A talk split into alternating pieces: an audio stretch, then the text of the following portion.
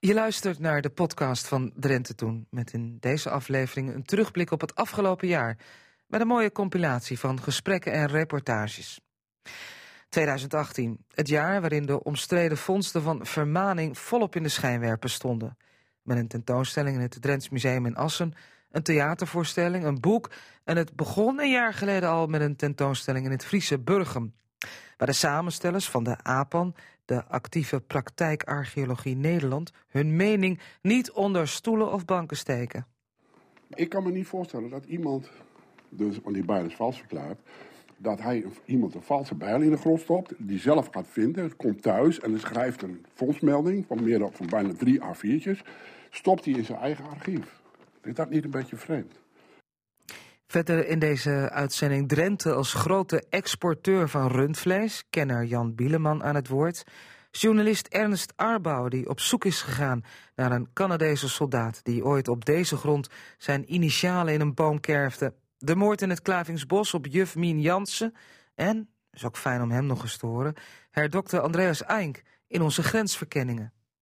Nee, de, de mensen hadden hard werk hier in... Uh op de landbouwbedrijven, in het veen, die zijn niet oud geworden. In, Duitsland, in Duitsland zeggen wij, dem ersten den Tod, dem zweiten die Not, dem dritten das Brot. Dat en meer, dit is Trente Toen. U herinnert zich vast nog wel de spraakmakende vondsten, zo midden jaren 60 van de vorige eeuw, door grasmaaimachinenslijper Tjerk Vermaning, destijds woonachtig op een woonboot in Hogersmilde. Zijn vondsten werden vals verklaard en hoewel Vermaning tijdens het hoger beroep in Leeuwarden van betrokkenheid werd vrijgesproken, blijft de officiële wetenschap tot op de dag van vandaag bij haar standpunt. Lydia Tuinman toog een jaar geleden naar het Friese Burgum en daar trof ze Klaas Geertsma bij een van de toppers van de tentoonstelling Het Oog van Ravenswoud. Ik kan me niet voorstellen dat iemand, dus, want die bijl is vals verklaard, dat hij iemand een valse bijl in de grond stopt, die zelf gaat vinden, komt thuis en schrijft een fondsmelding van, meer dan, van bijna drie A4'tjes, stopt hij in zijn eigen archief. Is dat niet een beetje vreemd?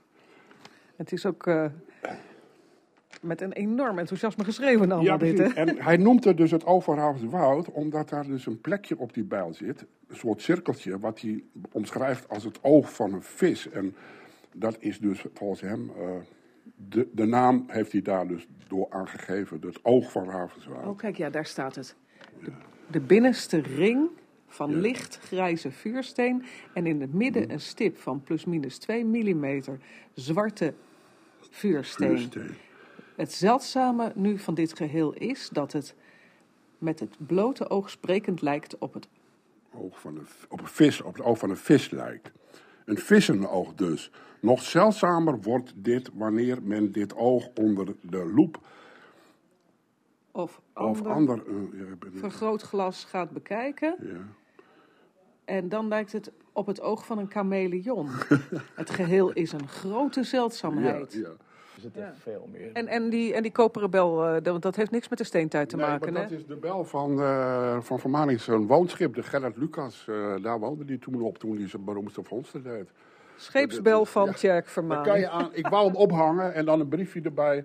Uh, wie deze bel uh, laat luiden is een klokkenluider. Doe mee met de APAN en strijd voor eerherstel van Tjerk Vermaning. Want daar zijn wij gewoon mee bezig.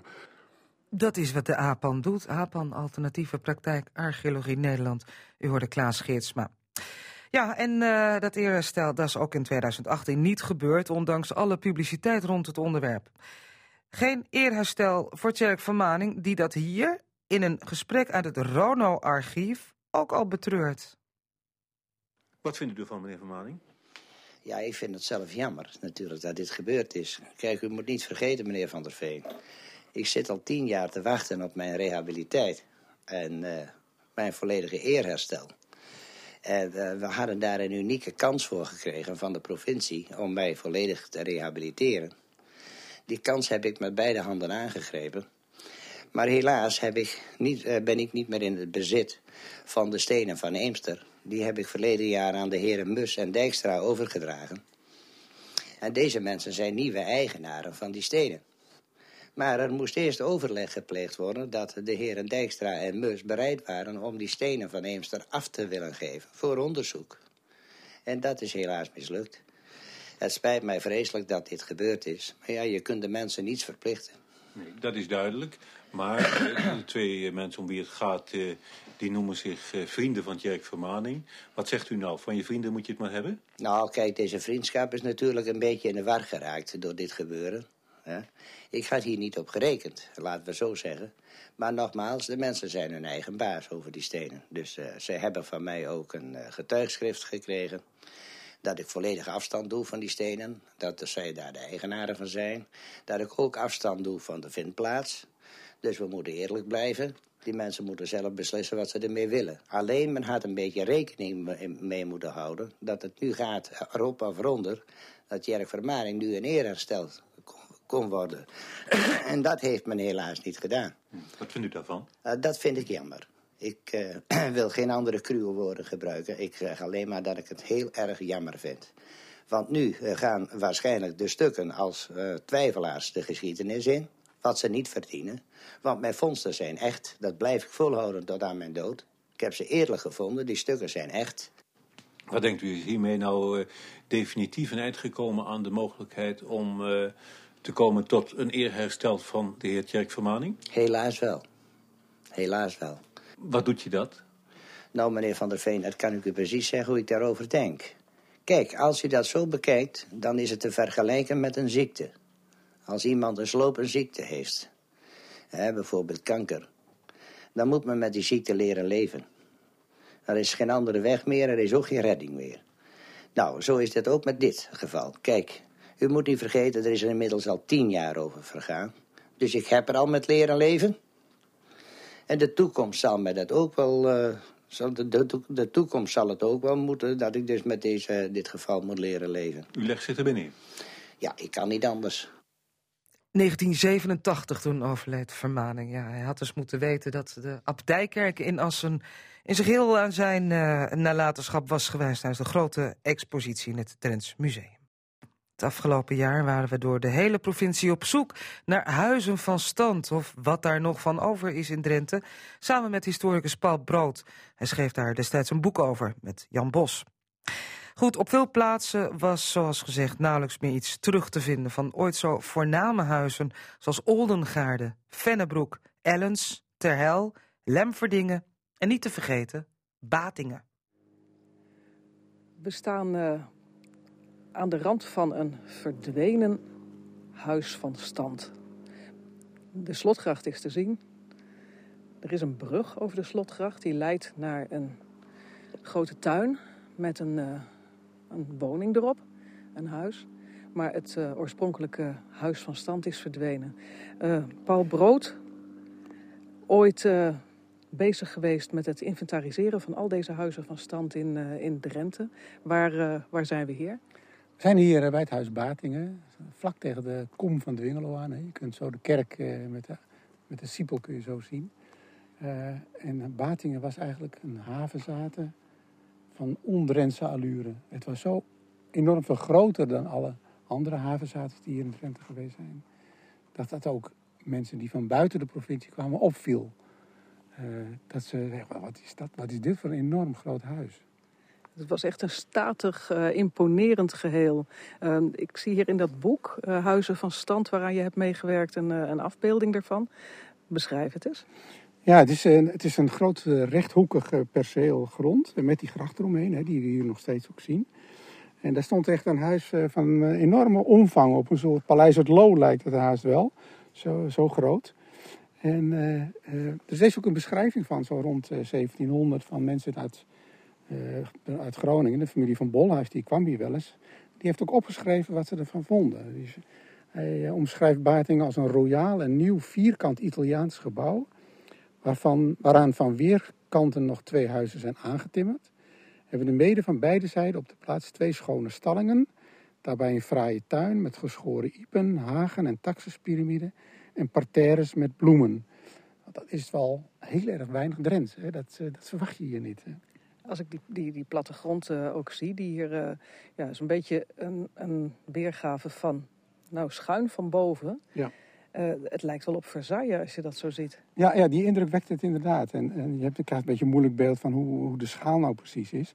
Maar gezien de verhoudingen zie je wel dat het huis toch enorm groot moet zijn eh, geweest. Ja, en echt met zo'n geometrische eh, tuin eromheen. Met eh, ook een vijver, denk ik, daar achterin. Ja, ja, denk het ook. ja. Dus je, je ziet wel wat Franse invloeden daar, daarin. En, eh, voor, voor zover we weten is de bewoner Rutger van de Boetselaar, die was drost van Drenthe, is daar voor een groot deel verantwoordelijk voor geweest. Dat hij het in die stijl heeft aangelegd.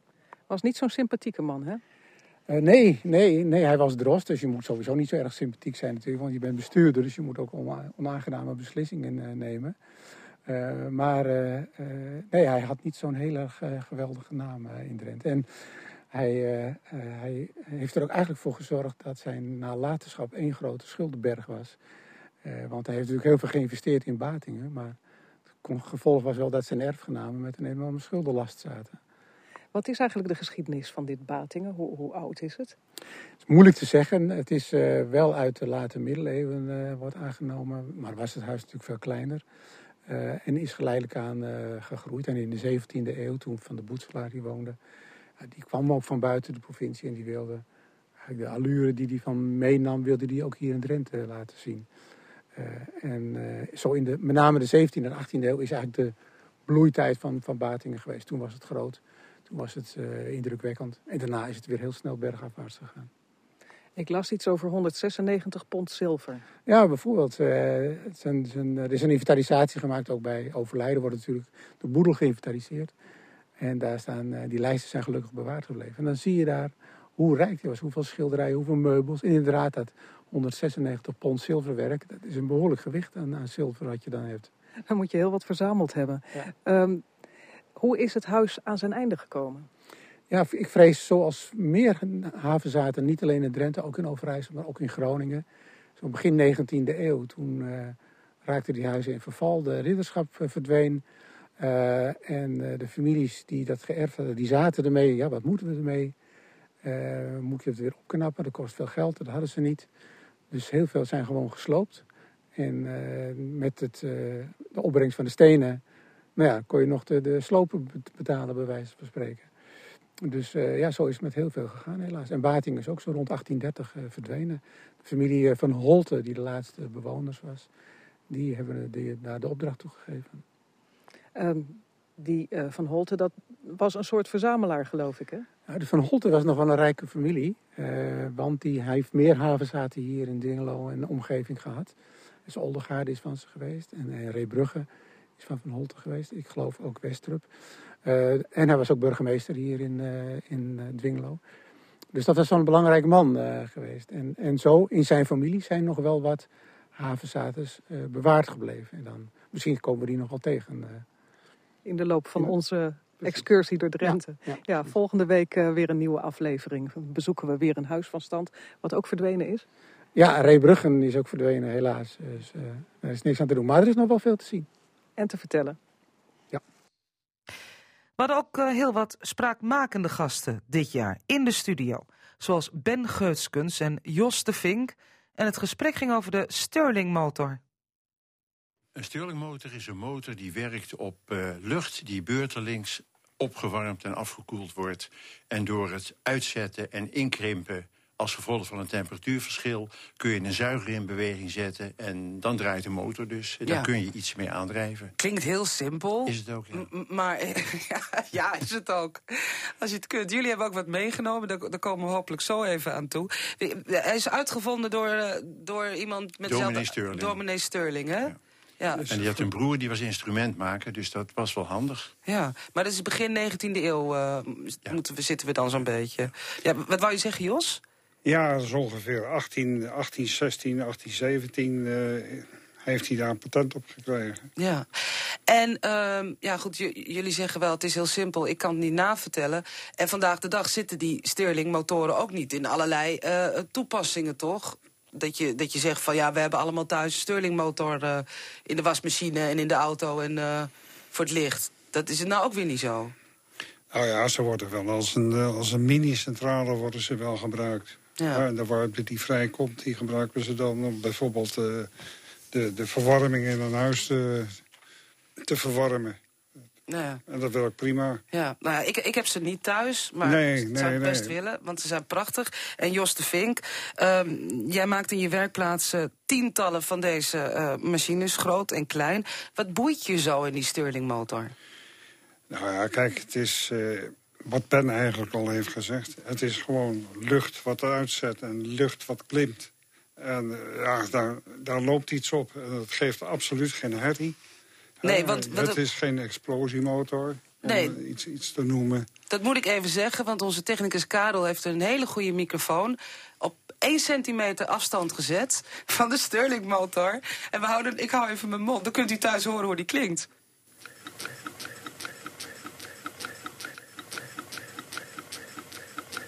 Ja, je hoort, het, je hoort het wel, maar hij is inderdaad heel stil. En deze Stirlingmotor, Jos, die heb jij gemaakt. Ja, dit is, eh, dit is eigenlijk mijn eerste werkstuk. Ja, want ik ben eigenlijk ook lid van de modelbouw, eh, wij allebei, van de modelbouwvereniging hier in eh, Assen. En ja, dit, dit was mijn eerste werkstuk, examenstuk, hoe heet dat Ja, het ziet er prachtig uit.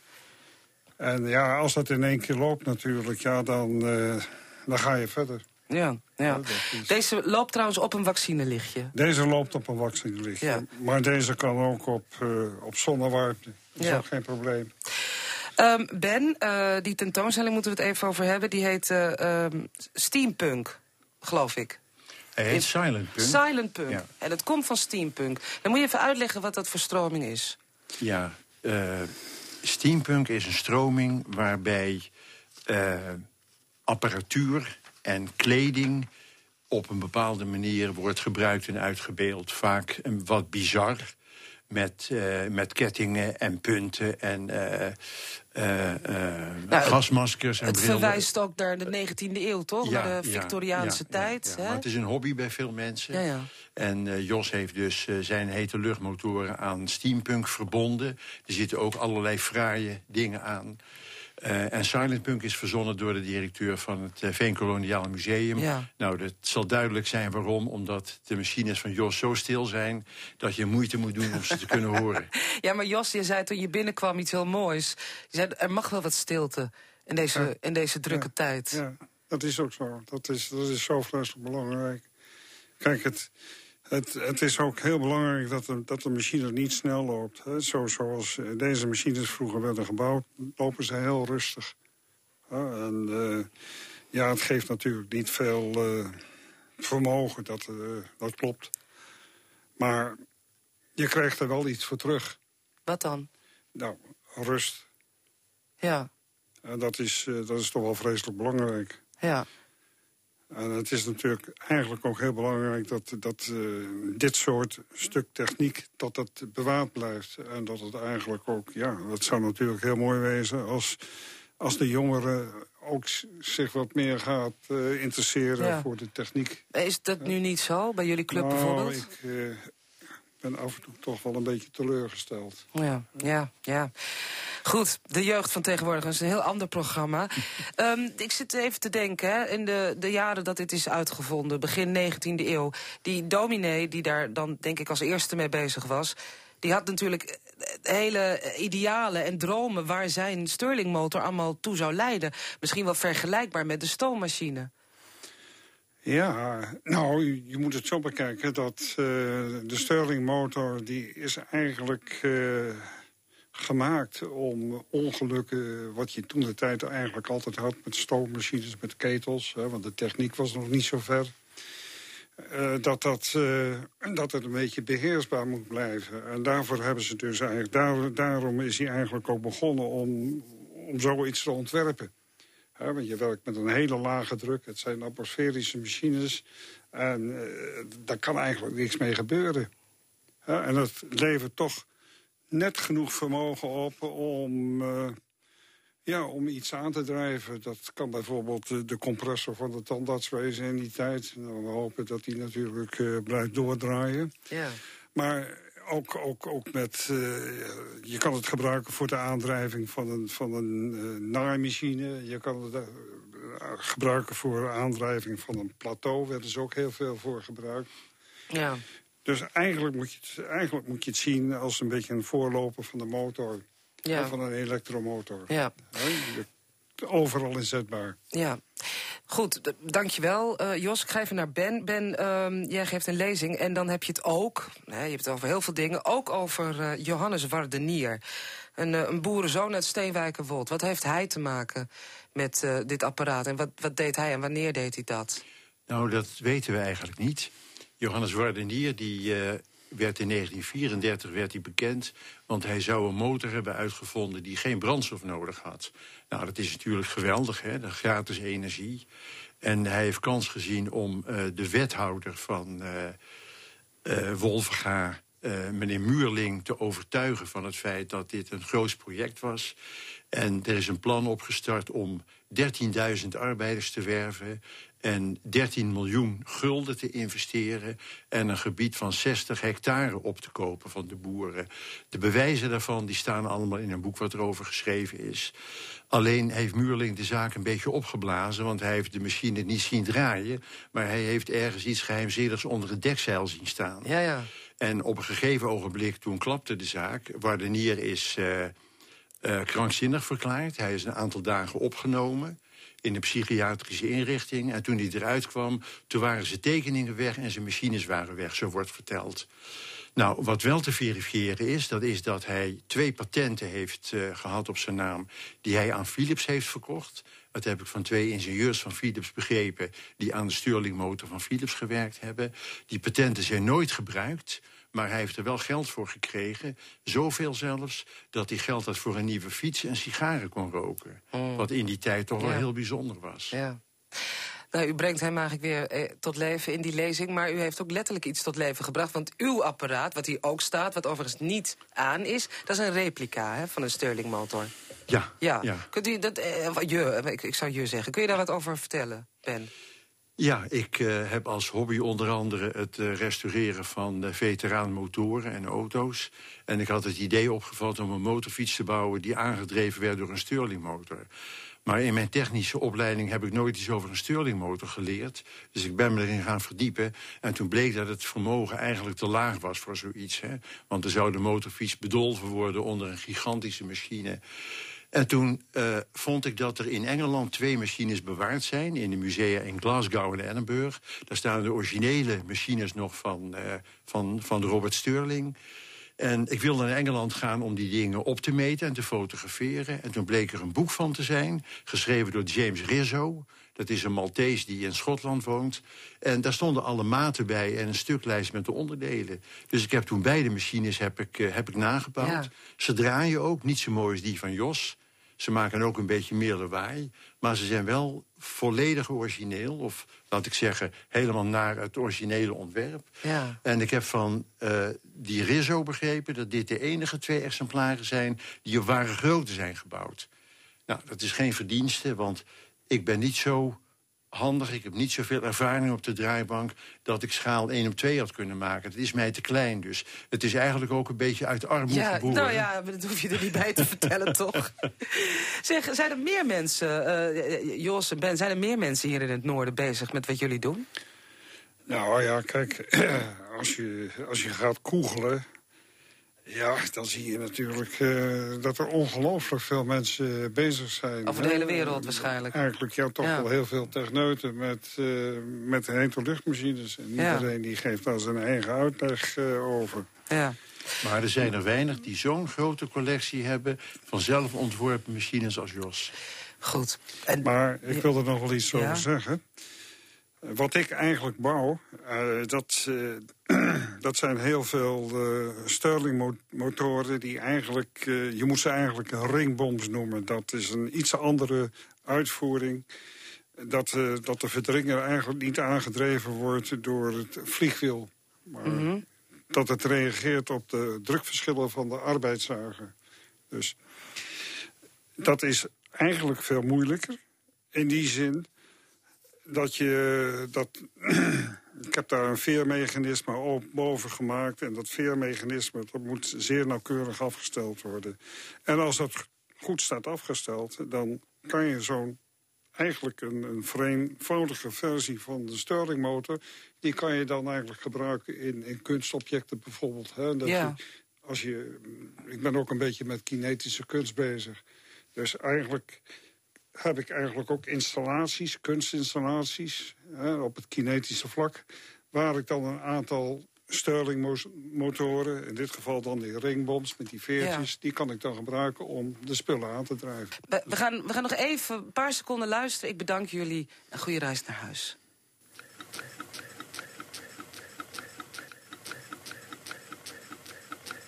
Ja, zo klonk dat. U hoorde Jos de Vink en Ben Geutkens uit Norg over de Stirling-motor. Ja, het afgelopen jaar kwamen wij ook op het spoor van mensen die zich stoorten in bijzondere onderzoeken. Zoals journalist Ernst Arbouw. Hij probeerde een man terug te vinden die ooit zijn hart in een boom hier in het noorden kerfde. Een Canadese soldaat uit de Tweede Wereldoorlog.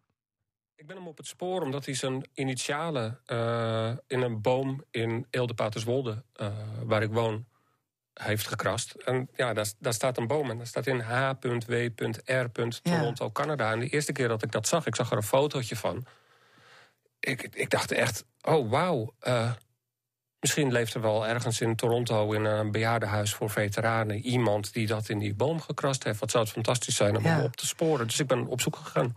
Wij gaan uh, eerst uh, met jou het bos in, met jouw permissie. Dat doen we met collega verslaggever Lydia Tuinman, die dat dus even eerder al deed. Er staan uh, initialen ingekerfd. H.W.R. En dan Toronto, Canada. Ja, het is inderdaad, uh, ik zou zeggen HH, maar jij zegt HB. Ja, je kan het, uh, ja, inderdaad. En dit zag jij, er staat wel vaker wat in een boom geschreven, maar toen moest er toch... Ja, ik zag het eerst op een fotootje. Uh, op, een, uh, op een pagina die de boswachters uh, hier van Natuurmonumenten bijhouden. En ik, ja, ik was erdoor gegrepen. Ik weet niet waarom. Ik blijf er heel lang bij, bij hangen. Ik denk, wel verdraaid. Weet je, dat is gewoon iemand. Als je je best doet, zou je, zou je hem kunnen opsporen in Toronto. Misschien ergens. Ja, want Toronto, Canada, dan denk je automatisch aan de Canadese bevrijders. Ja, nou ja, de, um, uh, Boy Kluiving, de boswachter van Natuurmonumenten... die het fotootje had gemaakt, die had er ook bij gezet... je kan hier in het bos onze bevrijders nog aanraken. En ja, als je kijkt naar hoe oud het is... en als je kijkt naar hoe groot is nou de kans dat een willekeurige voorbijkomende Canadees... hier zijn initialen in een boom krast. Ja, dit is van een van de uh, Canadezen die hier is geweest voor de bevrijding. Ik raak hem even aan hoor. Even, even aan die stam op die plek waar die, ja, waar die inscriptie is. Die is ongeveer zo groot als mijn hand. Ik kan hem met mijn hand bedekken, zeg maar. Daar sta je dus in zijn voetsporen. Ja, ja, daar heeft hij gestaan om het uh, erin te, in te krassen. Wat, wat, wat doet dit met jou?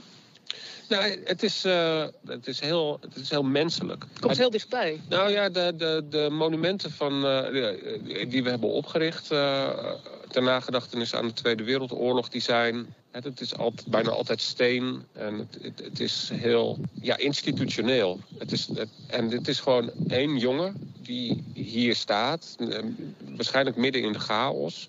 En die, die zijn zakmes pakt en er gewoon iets van zichzelf achterlaat. En niet eens zijn naam of zo. Het is heel persoonlijk. En aan de andere kant ook heel anoniem. Maar ik dacht echt, stel, stel nou dat je hem kan vinden in een bejaardenhuis in, in Toronto. Ik zou wel eens willen weten wat hij te vertellen heeft.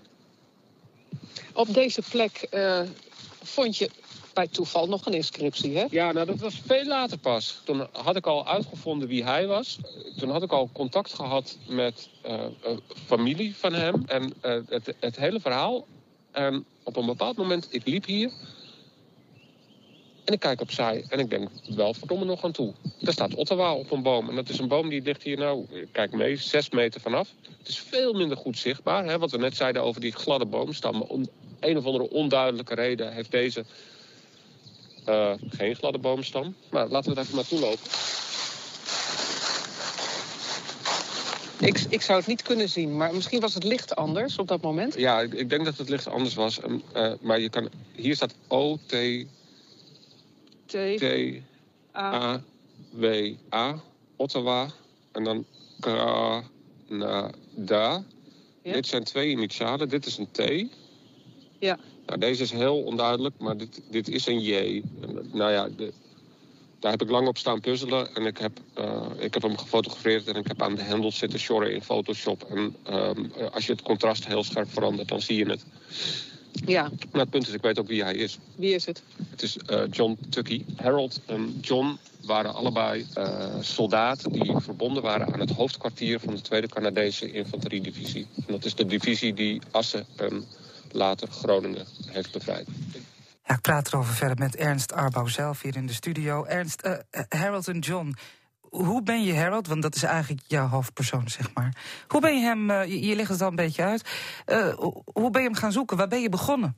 Ik ben begonnen met um, uh, een mail aan de Canadese veteranenorganisatie. Dat is een overheidsinstelling die nou ja, opkomt voor de belangen van veteranen. En ik zei, ja, goh, hebben jullie toevallig een lijst, een overzicht van... Um, soldaten die bij de bevrijding in Nederland zijn geweest... Uh, is dit op de een of andere manier terug te vinden? En daar kwam, uh, nou, een weekje later kwam daar een antwoord op. En die zei, ja, nee, dat wordt heel moeilijk. Zo'n lijst is er niet. En als het er was, dan is dat na de oorlog weggekieperd. Mm -hmm. Veel succes. Ja, en toen?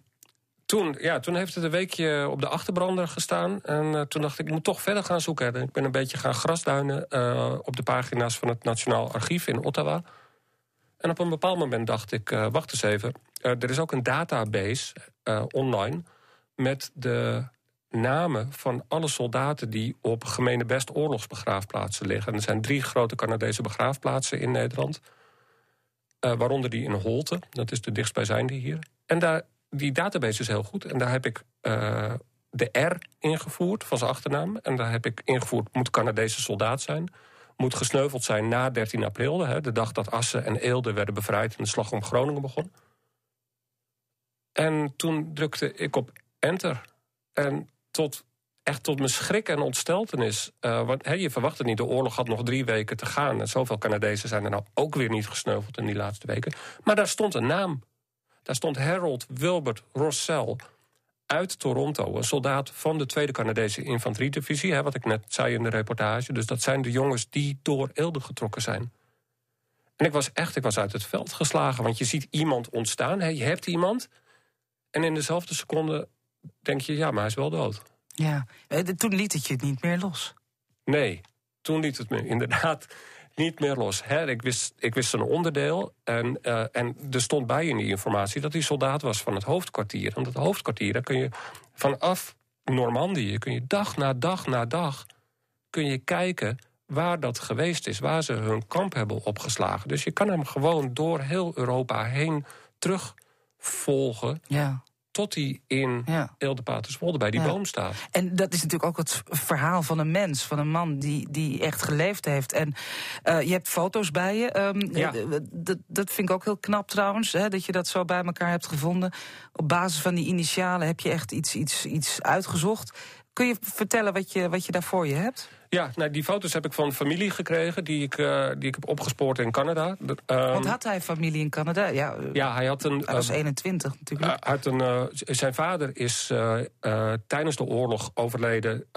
die had een chronische longaandoening als gevolg van een gasaanval in de Eerste Wereldoorlog. Hij had nog een moeder, hij had een oudere broer die corporaal was in het Canadese leger in Italië. En hij had drie zussen. Ja. en ik heb van de familie uh, zijn broer en zussen leven niet meer, maar hun kinderen wel. Die heb ik gevonden en die hebben me wat foto's gegeven. Ja, hoe reageerden ze, Ernst, toen jij hen benaderde? Nou, ik, had, uh, de, de, ik heb een uh, achternichtje gevonden. Dat was de eerste van wie ik zeker wist dat ze, dat ze familie was. En die heb, ik een, die heb ik gevonden op Twitter, dus ik heb haar gewoon een tweet gestuurd. Ja. En ik kreeg per omgaande een, een reactie. Ja, ik, ik, ben inderdaad, die en die is mijn grootmoeder. En ik ben inderdaad familie van Harold Rossell. Uh, en later realiseerde ik me pas, het was uh, acht uur, negen uur 's ochtends hier. Dus dan is het in Toronto twee, drie uur s'nachts. Dus ik heb haar uit haar bed getwitterd. we hebben een uur lang over en weer berichtjes ja. zitten uitwisselen. Dus het was voor haar Ja. uh, drie, vier uur s'nachts. Dus ze moest de volgende ochtend weer lesgeven. Toeval, geschiedenislerares op een middelbare Nou school. Ja. Toeval bestaat niet, denk ik, bij dit verhaal. Maar goed, je, je was aan het vertellen over foto's die je Ja, bij ik je heb had. een Ja. fotootje van, eh, van, van Harold hier. Dat, daar staat hij in een soort zomeruniform bij eh, houten barakken. En dit is in een trainingskamp in uh, British Columbia, helemaal aan de andere kant van Canada, aan de westkust bij Vancouver.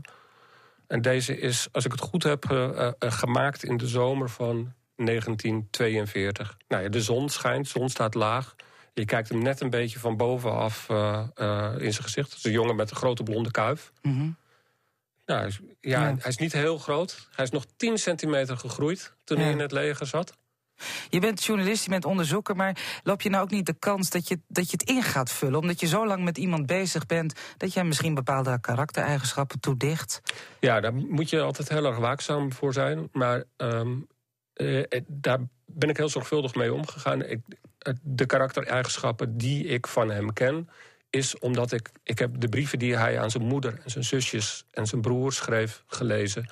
En ik weet uit overlevering van de familie eh, wat voor type hij was. En het schijnt dat de hele familie zo was. Hoe was hij dan? vrolijke grappenmaker. Een beetje, een beetje ja, extravert. Eh, het Engelse woord is geloof ik gregarious. Dat is moeilijk vertaalbaar naar het Nederlands, maar eh, extravert en levenslustig. Ja. En de familieleden met wie ik op stap ben geweest in Canada, die zijn precies zo. Hij heeft echt een superleuke familie. De, die familie moest waarschijnlijk eerst van de verbazing bekomen dat, dat, dat ze jou troffen. Ja. Op basis van zo'n inscriptie. Ik, eh, Een van, de, een van de familieleden met, eh, eh, met wie ik ook in Nederland gesproken heb, die zei: Ik dacht eerst, als dit een internetoplichter is, dan heeft hij wel heel veel moeite gedaan. Het, moet wel waar zijn. Het is zo'n vreemd verhaal. Ja, geweldig. Maar hoe- was de familie geïnteresseerd ook? Ja, heel erg. Heel erg. En dat, daar heb ik ook onwijs geluk mee. Hè. De eerste met wie ik contact had was een ehm, geschiedenislerares. Die zei, ik ga, het, ik ga het direct aan mijn leerlingen vertellen... als ik vanochtend op school ben. En de tweede met wie ik contact eh, had... was archivaris van beroep. En die had alle brieven en documenten en foto's gescand... in documenten en in mapjes. En dat kon ik zo krijgen. En de derde met wie ik contact had, die zei... eh, oh, Ernst, ik ben over tien dagen in Amsterdam. Laten we afspreken. Dus ik ben naar Amsterdam gegaan en we hebben daar een avond lang in, in het restaurant van het hotel over Ja. alles en nog wat. Ja. Ze waren heel, heel erg geïnteresseerd. Er is nog meer bizars dat jou aan deze man verbindt. Want jij, nou ja, dat moet je zelf maar even uitleggen. Je hebt een foto bij je. Een foto genomen in de jaren na 45. Ja, sterker nog, in de dagen na 45. Dit is een, eh, dit is een foto van een, een vers graf. En dit is een weilandje in, eh, aan de noordkant van het dorp Eelderwolde. Het is echt letterlijk op de provinciegrens van Groningen en Drenthe. Eh, voor mensen die de omgeving kennen, het is de rotonde bij de ingang van de Hoornse Plas. Eh, ik heb in een huisje gewoond, op de zolder van een huisje. Eh, dat is gesloopt om plaats te maken voor die rotonde. En de tijdelijke begraafplaats van de Canadezen, waar Harold begraven was, die lag aan de andere kant van de weg daar. Dat wist ik niet. Een van de eerste dingen die ik vond toen ik ging googlen Canadezen Groningen, was deze foto. Twee, eh, twee meisjes die, die bloemen leggen op een, eh, op een vers gedolven graf. Er staan nog afdrukken van soldatenlaarzen in de grond. En ik zoomde in op die foto en ik kijk op het graf. En ik denk, krijg nou wat. En er staat gewoon private Rossell H.W. Dat is gewoon zijn graf. Meisjes die bloemen leggen. Van één van de twee denk ik dat ik weet wie het is. Maar ik weet het niet zeker, dus ik ga geen namen rondstrooien. En eh, ja, ik was echt ontsteld. Ja. Die, die andere, John, John Tucky, Ja. de, de, de- die, we noemen hem, daar blijft het ook eh, een beetje bij. Jij hebt hem wel ehm, kunnen aanwenden om Harold te vinden. Maar Harold is echt jouw... Ja, nou ja, die twee jongens die zijn samen gesneuveld. Ze, zijn, ze, ze staan in de, de War Diaries, heet dat. Dat zijn zeg maar de dagrapporten van, eh, van hun legeronderdeel. Staan zij genoemd. Twee jongens van het hoofdkwartier die zijn weggegaan in een jeep. Eentje is eh, dood gevonden, neergeschoten door een Duitse sluipschutter. En de andere is nog vermist. En dat zijn de enige twee gewone soldaten die in dat hele War Diary staan... vanaf de landingen in Normandië tot de bevrijding. En ze staan in één regel genoemd met generaal Crerard. Dat was de opperbevelhebber van alle Canadezen in de wereld. In één zin, die twee jongens en, en de opperbevelhebber. Eh, hoe idioot wil je het hebben? Jij hebt een eh, artikel geschreven voor de Volkskrant. Je bent met een boek bezig, dat komt eh, later dit jaar uit. uh, HWR, was hier. Um, ja, ik, ik, kan wel vragen hoe loopt het af, want dat weten we allemaal. Hè, dus dat, is een, dat, dat, ga ik niet vragen. Maar heb je nog iets van, van hoop, een, een positieve boodschap? Uh, want het gaat hier om een man die 21 was, uh, die zijn leven letterlijk heeft gegeven voor de vrijheid van, uh, van ons. Um, wat, is jouw insteek geweest? Of, of ja, hoe, hoe, maak je zo'n verhaal af? Ja, hoe maak ik het af? Uh, ik, heb een brief van, uh, van de, de leger aalmoezenier, kapelaan... die hij schreef aan, aan de, de moeder van Harold. Een keurig nette getypte brief. En eigenlijk beschrijft hij het beeld dat je ziet op die foto van het begraafplaatsje. Hè, de, de vers gedolven graven waar, waar Nederlanders uh, uh, tulpen en chrysanten hebben neergelegd. En uh, hij zegt, er is, er is eigenlijk weinig dat je kan zeggen onder, de, onder deze omstandigheden... behalve dat u trots mag zijn op uw zoon. Hij heeft, heeft, heeft, heeft zijn rol gespeeld in de bevrijding van Nederland. En om hun waardering te tonen voor wat uw zoon en de andere Canadezen... die, die met hem begraven liggen, hebben gedaan hebben de Nederlanders hun graven bedekt met bloemen. Grote rode tulpen in een vaas uh, lagen op zijn graf toen ik vanochtend vertrok. Hun offer is niet onopgemerkt voorbij gegaan.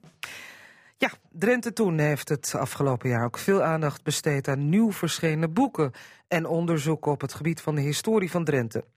Veel auteurs hebben we gehad in de studio met hun nieuwe publicatie in de hand. Zoals professor Dr. Peter Hoppenbrouwers, die dankzij de verslagen van de bekende Edstoel veel inzicht kreeg in verschillende kanten van de Drentse middeleeuwse samenleving. Uh, nou, voor Drenthe zijn er hele interessante bronnen... en het is een hele interessante samenleving in de late middeleeuwen. Het is een tamelijk egalitaire samenleving, een heel erg uh, agrarische samenleving... waar de rol van uh, steden, van edelen, uh, van de geestelijkheid heel erg beperkt is. Dus, dus eigenlijk een omdat ze er niet waren in die mate? Of, uh... niet, ze waren niet heel erg dominant aanwezig. Nee. uiteraard waren er ook in Drenthe wel een paar edelen en een paar kloosters... maar ze waren niet dominant aanwezig. De dominante sociale groep, dat waren de eigen erfde boeren. Ja. En dat is in de, de middeleeuwse wereld uh, tamelijk uitzonderlijk.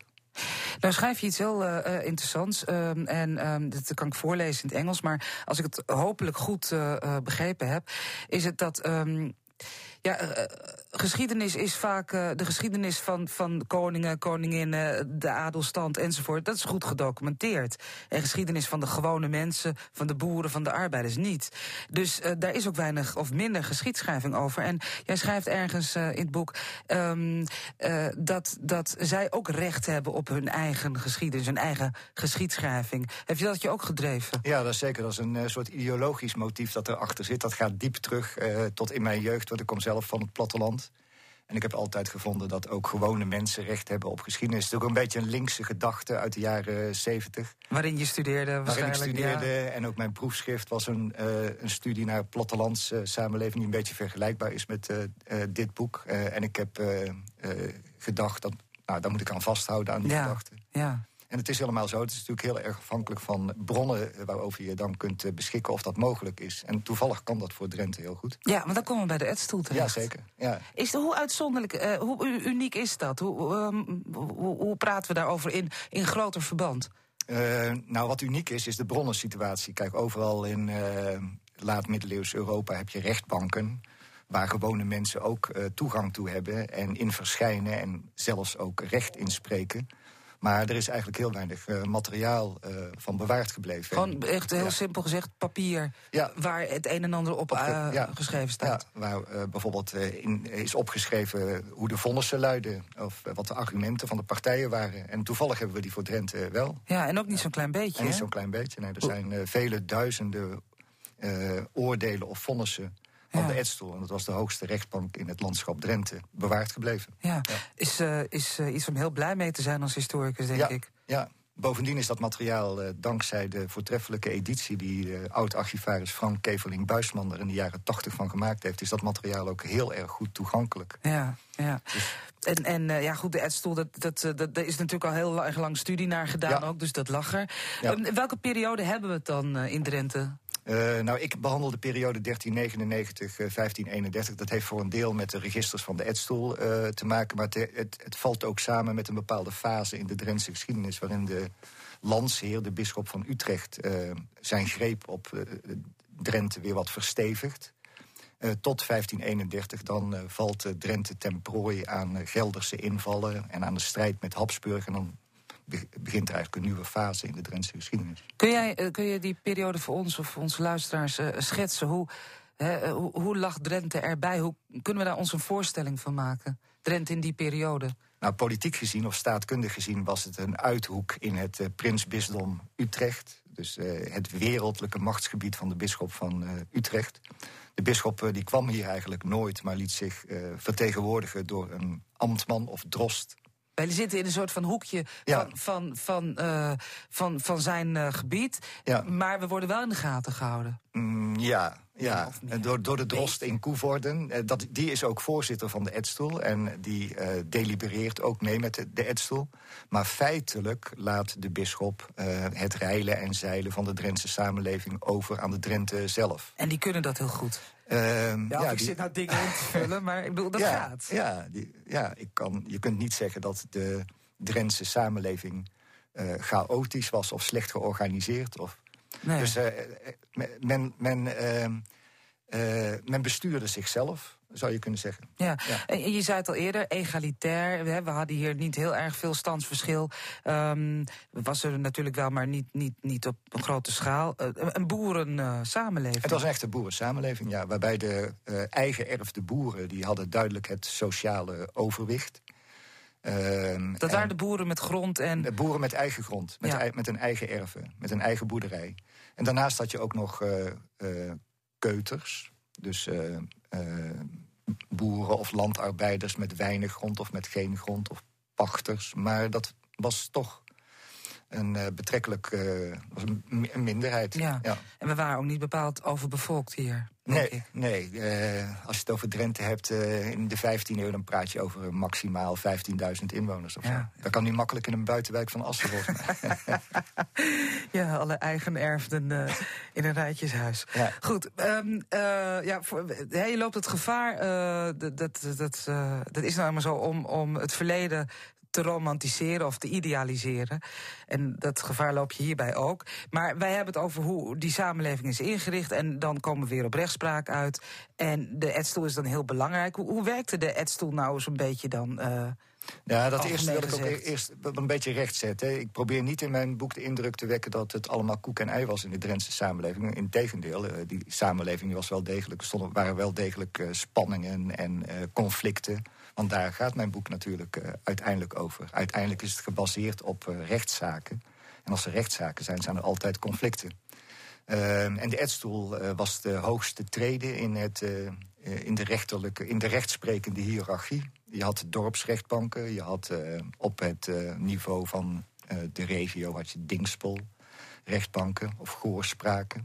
En daarboven had je dan de rechtspraak van de Edstoel. Zoals men er niet uitkwam onderling, dan kwam je uiteindelijk bij de Edstoel. Ja, de Edstoel was een beroepsrechtbank, maar je kon er ook in, in eerste instantie terechtkomen. Bijvoorbeeld als twee dorpen met elkaar een conflict hadden. Dat interesseerde mij ook zeer.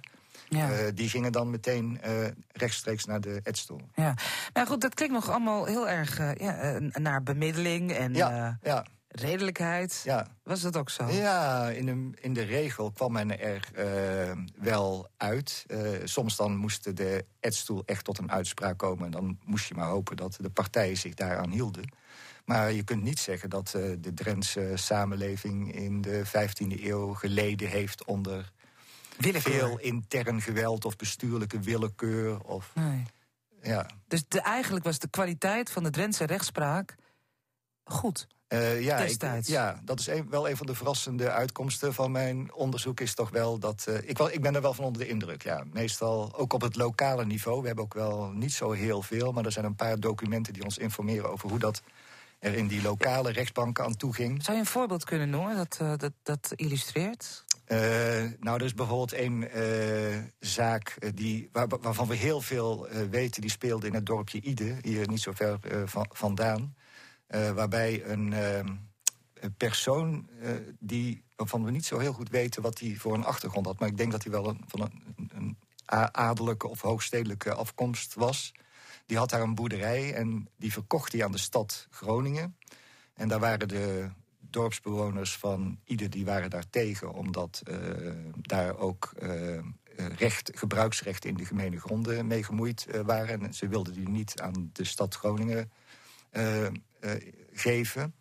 en daar, is toen, daar zijn toen verschillende rechtszaken over geweest... waarbij uiteindelijk niet die machtige man, maar het dorp Ide... in het gelijk is gesteld door de Edstoel.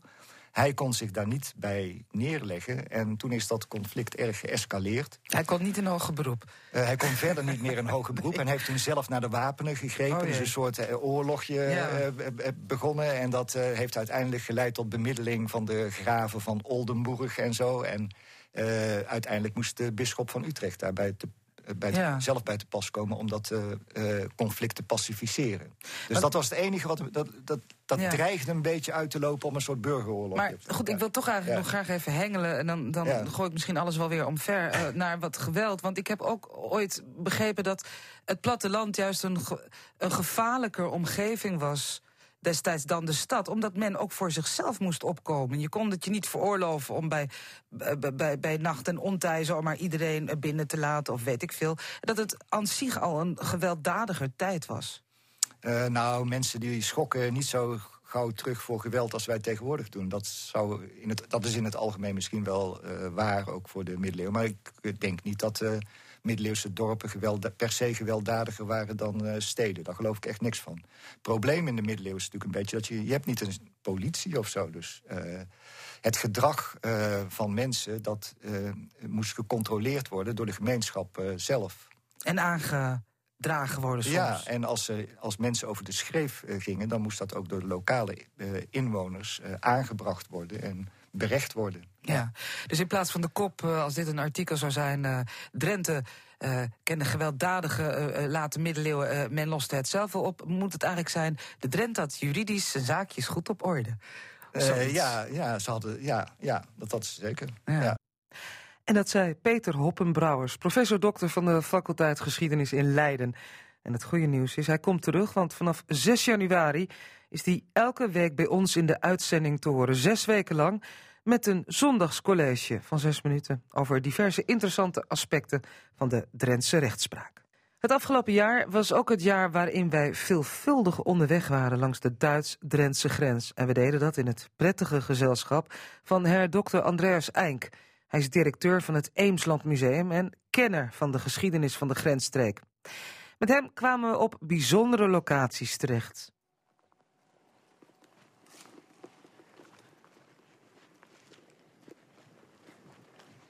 Wat is dit nou? Oud Schonebeek, Nieuw Schonebeek? Uh, Nieuw Schonebeek. Dit is, um, wij zijn nu in het. We zijn nu, nu in Nieuw Schonebeek. Dat is de Rooms-Katholieke onderdeel van Schonebeek, waar zich Duitsers uit het Eemsland in de 19e eeuw gevestigd hadden. Die hebben hier ook een eigen Rooms-Katholieke kerk gebouwd. En hadden hier ook een Rooms-Katholieke kerkhof. Die weg naar uh, Twiest, die was ja, te ver weg. Ja, dat was te lang, hè? Ja, en die was er ook nog het veengebied. Daar moesten ze in de winter door de moeras en dat, dat ging niet. En daar hebben ze hier hun eigen kerkhof gebouwd. En die is hier steeds nog bewaard gebleven. we moeten over het aardappelland. Ik weet niet of die boer er wel zo blij mee is, maar het is toch al niet veel met die aardappels hier. Het is allemaal verdroogd. En dan midden in die aardappelakker staat een met planken afgegrensd stukje land.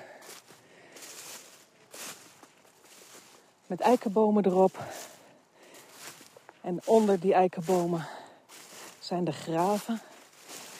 En er staat een wit Maria-beeld. Een meter of twee hoog. Het is eigenlijk een heel bizar gezicht. Ja, nou we hier aankomen zien we dat het geen uh, Maria-beeld is. Hè? Ik denk dat het Helena is met het kruis. Ze ziet er niet uit als een Maria. We gaan eens, even, eh, we gaan eens even op inspectie. Nou, we zijn over het hekje heen geklommen en nu staan we dichter bij dit eh, mooie beeld. Vertel. Ja, het is geen Marienbeeld, het is een beeld van de heilige Helena. Die heeft in de uh, derde of vierde eeuw heeft die het kruis van Christus in het heilige land gevonden. Dat is het uh, verhaal. En het, dat was een belangrijke heilige in de Rooms-Katholieke kerk.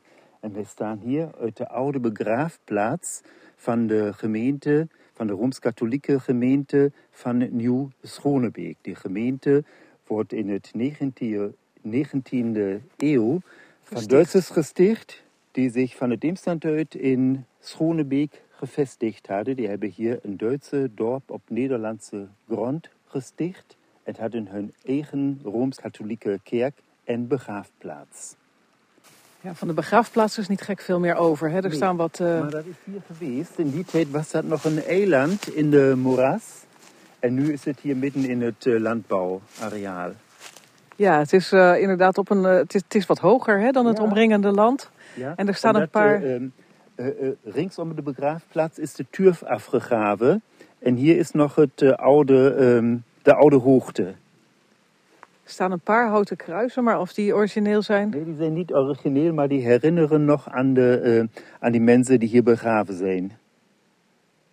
Van, van, hoe ver was het van hier uit naar, eh naar Twist? Naar Twist was het ongeveer 5 of 6 kilometer, maar in, het, ehm, in de wintertijd was het bijna niet te bereiken. Nee, dan moest je toch met je dierbare overledenen eh, ergens anders heen. En eh, daar was deze begraafplaats dan voor.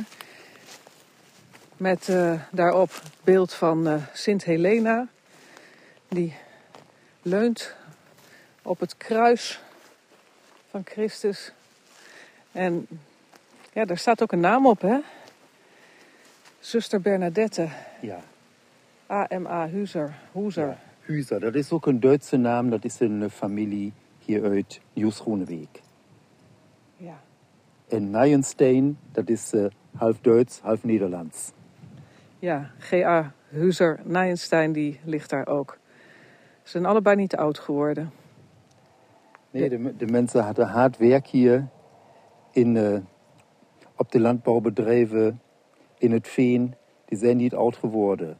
In, Duits, in Duitsland zeggen wij, dem ersten den Tod, dem zweiten die Not, dem dritten das Brot. De eerste generatie had alleen werk, de tweede had een uitkomen, ja, en die derde generatie had dan een goed leven. Dat duurde even voordat het, eh, het leven goed werd.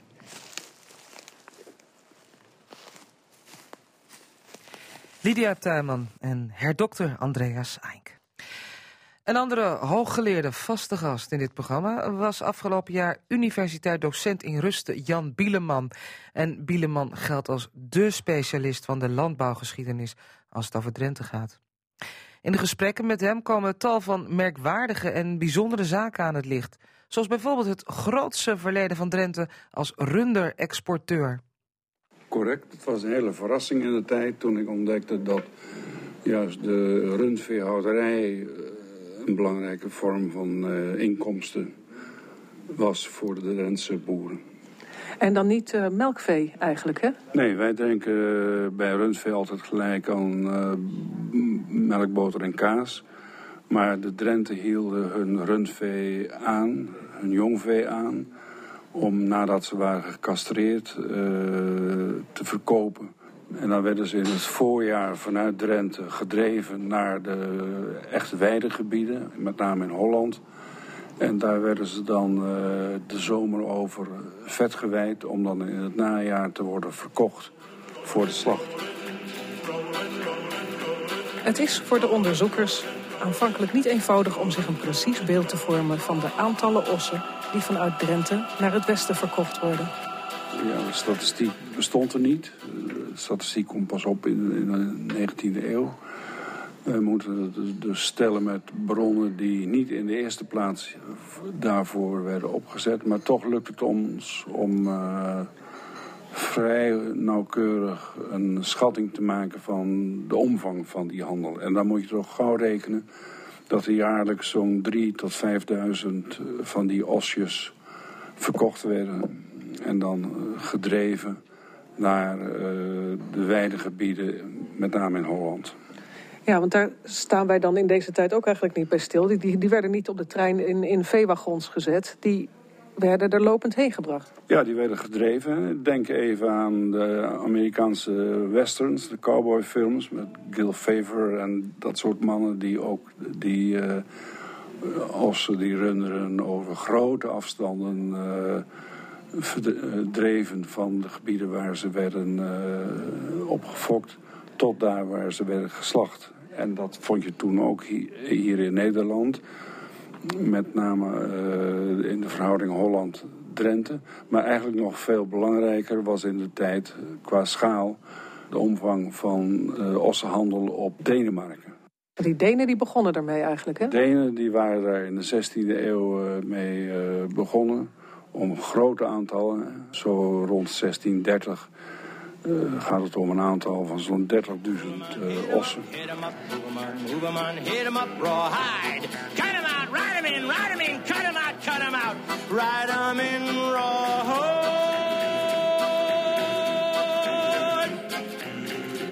Je moet me dan echt voorstellen dat dan, dan kuddes van, van vele honderden runderen uh, hier door Drenthe gejaagd werden? Ja, dat ging uh, om hele grote aantallen.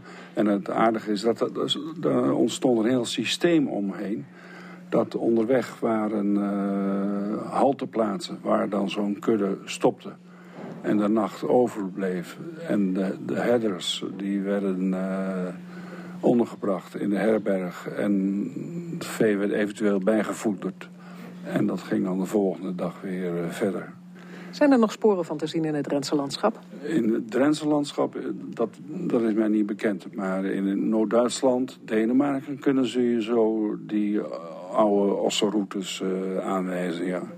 Net zoals trouwens ook in Engeland het geval was. Daar ontstond dezelfde soort stroom van vee vanuit het noorden naar de gro grote metropool Londen.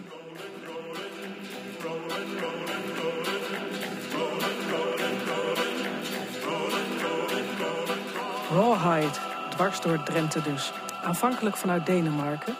Maar dat bracht de Drentse boeren op een idee. Want die zaten niet te slapen. Drentse boeren waren bepaald niet achterlijk, dorps of onwetend. Ze hadden een fijn gevoel voor waar er geld te verdienen viel... en stelden, als dat nodig leek, snel hun bedrijfsvoering om. Dus, is er vraag naar ossen, dan fokken we ossen. En de klant had veel ossenvlees nodig. Maar wie is die klant eigenlijk? Dat is een heel opmerkelijk verhaal. Heel veel van dat ossenvlees werd in tonnen gestopt, ingezouten. En dat werd als zogenaamd tonnenvlees verkocht voor de bevoorrading van onze VOC-schepen en WIC-schepen. Maar in ieder geval een groot deel van, die, van dat vlees uh, werd als proviant gebruikt. Dus dat werd aan boord gehesen van de Verenigde Oost-Indische Compagnie en dat ging mee? Naar, naar Indië. Bestonden nou die, die Drentse bedrijven helemaal uit de ossenhandel? Nee, toch? Nee, er was ook nog altijd iets van schapenhouderij voor de, voor de wolproductie. Hoewel in deze periode dat nog weinig voorstelt. Maar de akkerbouw op de S bleef natuurlijk een heel belangrijk bedrijfsonderdeel... waar de boeren hun, uh, hun rog verbouwden. Maar gelet op de omstandigheden deden ze dat op een hele extensieve manier. Met als gevolg dat de opbrengsten heel laag waren. Gek genoeg zijn, waren die essen eigenlijk net zoveel akkerland... als dat ze weidegrond waren voor het, uh, voor het rundvee. Zo gauw de rogge eraf was, begin augustus, dan mocht het vee uh, weiden. En ja, daar vonden ze dan in de, in de stoppels en in het onkruid wat daar groeide, vonden ze een belangrijke aanvulling op een kostje wat elders op de woeste gronden bij elkaar scharrelde.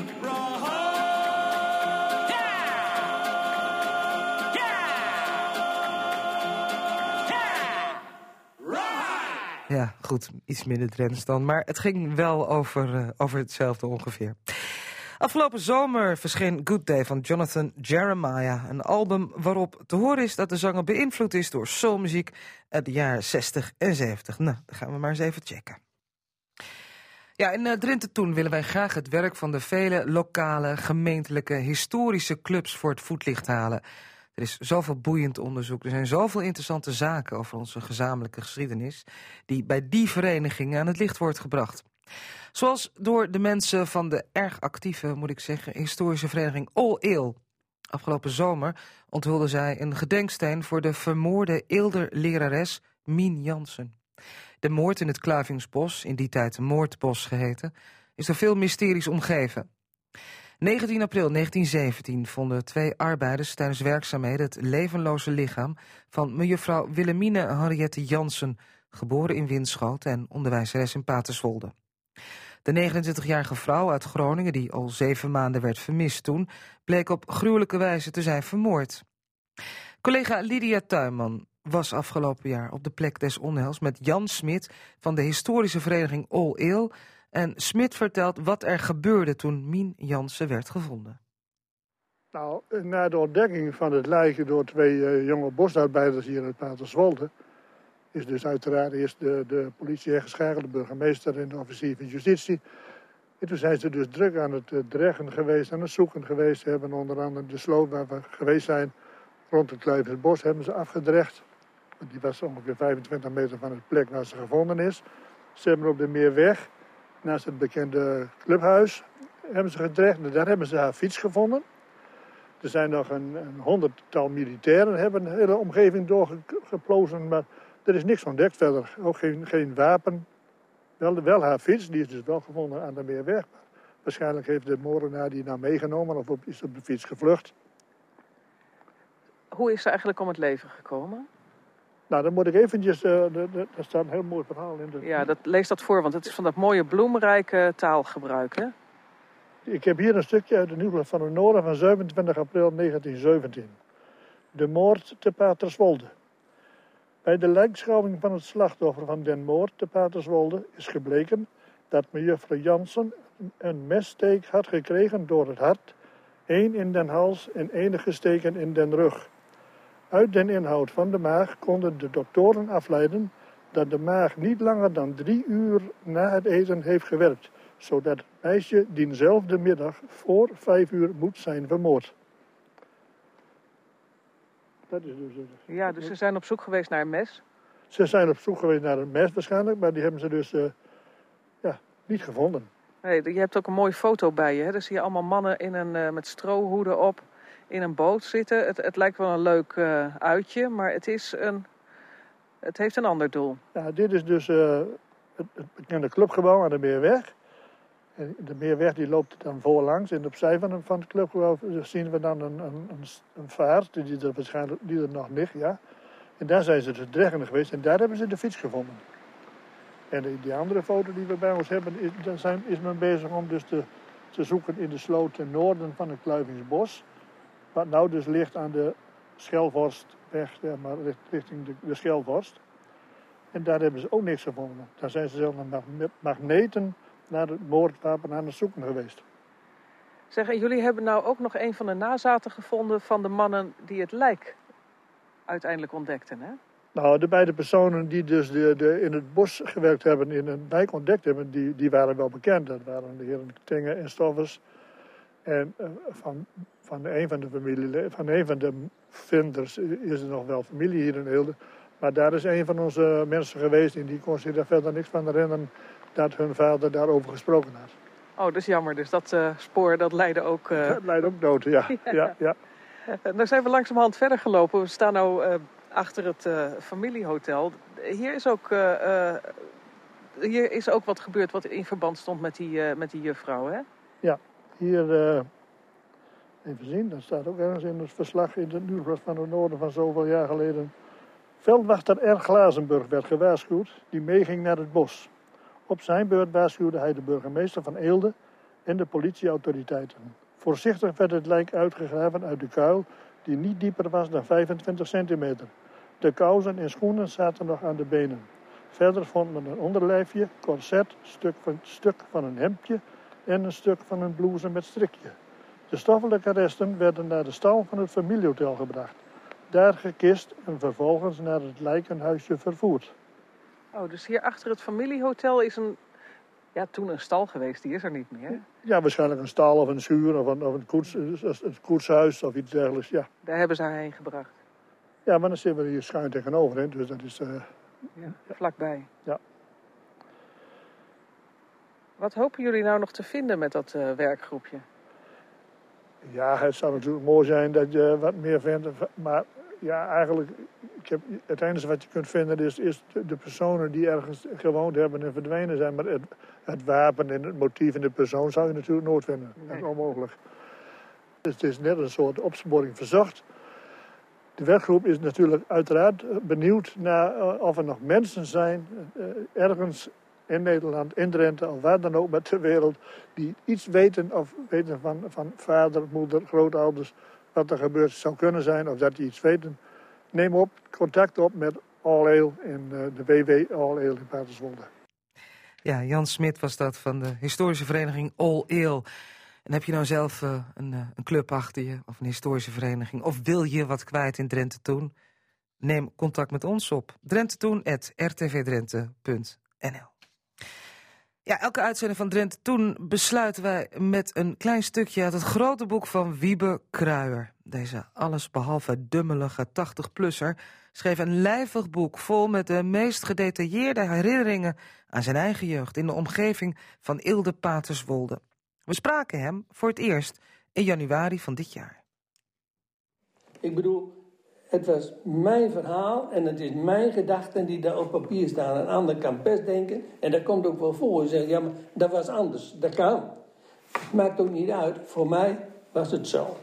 Er is niks bijgemaakt om het te romantiseren of mooier te maken. Het verhaal is zoals het is. Um, wat mij nou opvalt is dat er gewoon heel veel alledaagse dingen in staan. Hoe het vroeger toeging. Ja. Hoe het was met elektriciteit of met leidingwater. Of ja. het gebrek daaraan. En uh, uh, je, eigenlijk gaat er een, een, een, tijd voor je leven do door dat boek. Hoort u dat vaker? Ja, dat, dat hoor ik vaker. Dat mensen zeggen, nou bij ons was het vroeger precies zo. En ik kan me ook voorstellen dat de jeugd denkt, waar waren jullie vroeger dom? Want dat denk ik ook, waar waren we dom?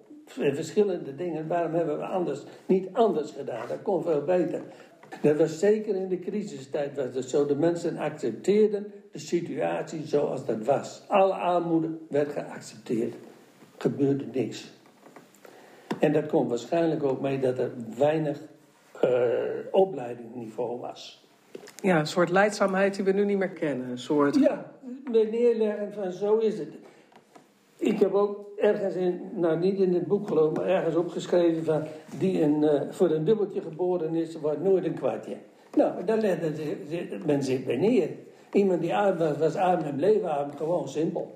Het is prachtig uitgegeven, het is gebonden op mooi uh, uh, dun glanzend papier met foto's en kaartjes.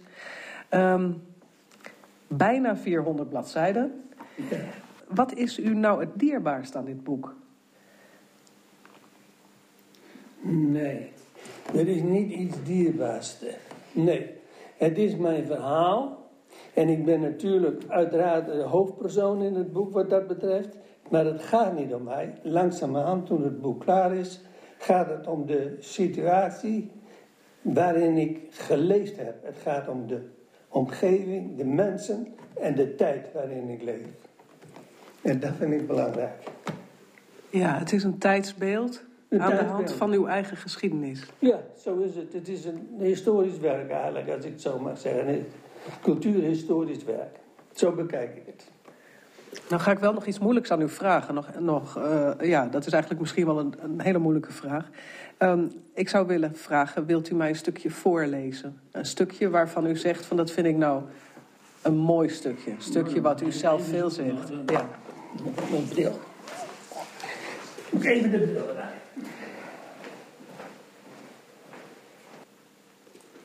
Nou goed, ik zal even een stukje voorlezen dan. Van Lieverlee werden er steeds meer gebouwen gevorderd. Dat is dan in de oorlog door de Duitsers. Waarin de soldaten werden ondergebracht, de Duitse soldaten dus. Maar soms werden die ook voor andere doeleinden gebruikt. Scholen, grote gebouwen en villa's kwamen daarvoor het eerst in aanmerking. De school achter onze school aan de Parkweg werd al vrij snel door de Duitsers gevorderd. En wij konden door de schutting heen loeren en zien hoe daar op het schoolplein werd geëxerceerd. Het vorderen van scholen betekende wel dat de daar op schoolgaande leerlingen bij andere scholen moesten worden ondergebracht. Zo gingen wij op een bepaald moment nog halve dagen naar school, zodat de andere helft van de dag door de andere school kon worden benut. Wij waren, dat was ons ook aangeleerd, zuinig en trots op onze school. Onze gasten hadden die intentie duidelijk niet. Er kon niets meer in het vak of in de klas achterblijven. Alles moest worden opgeruimd. Ook troffen we regelmatig propjes papier aan in de inkpotjes met een hoop geknoei als gevolg.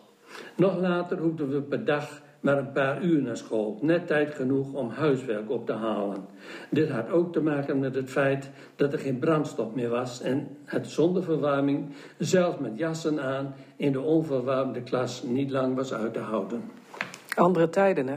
Andere tijden, ja. En dat zei Wiebe Kruijer. En het lag voor ons voor de hand om elke week zo'n pareltje te willen laten horen. Daarom hebben we destijds na de zomerstop besloten om Wiebe Kruijer te bombarderen tot onze vaste uitsmijter. Dankjewel voor het luisteren naar de podcast van Drenthe Toen. Luister ook eens naar onze andere podcasts. Die van Radio Westerbork bijvoorbeeld, die we eens per maand maken... in herinneringscentrum Kamp Westerbork. Of de Sportcast of die van Cassata. En geef eens een sterretje weg.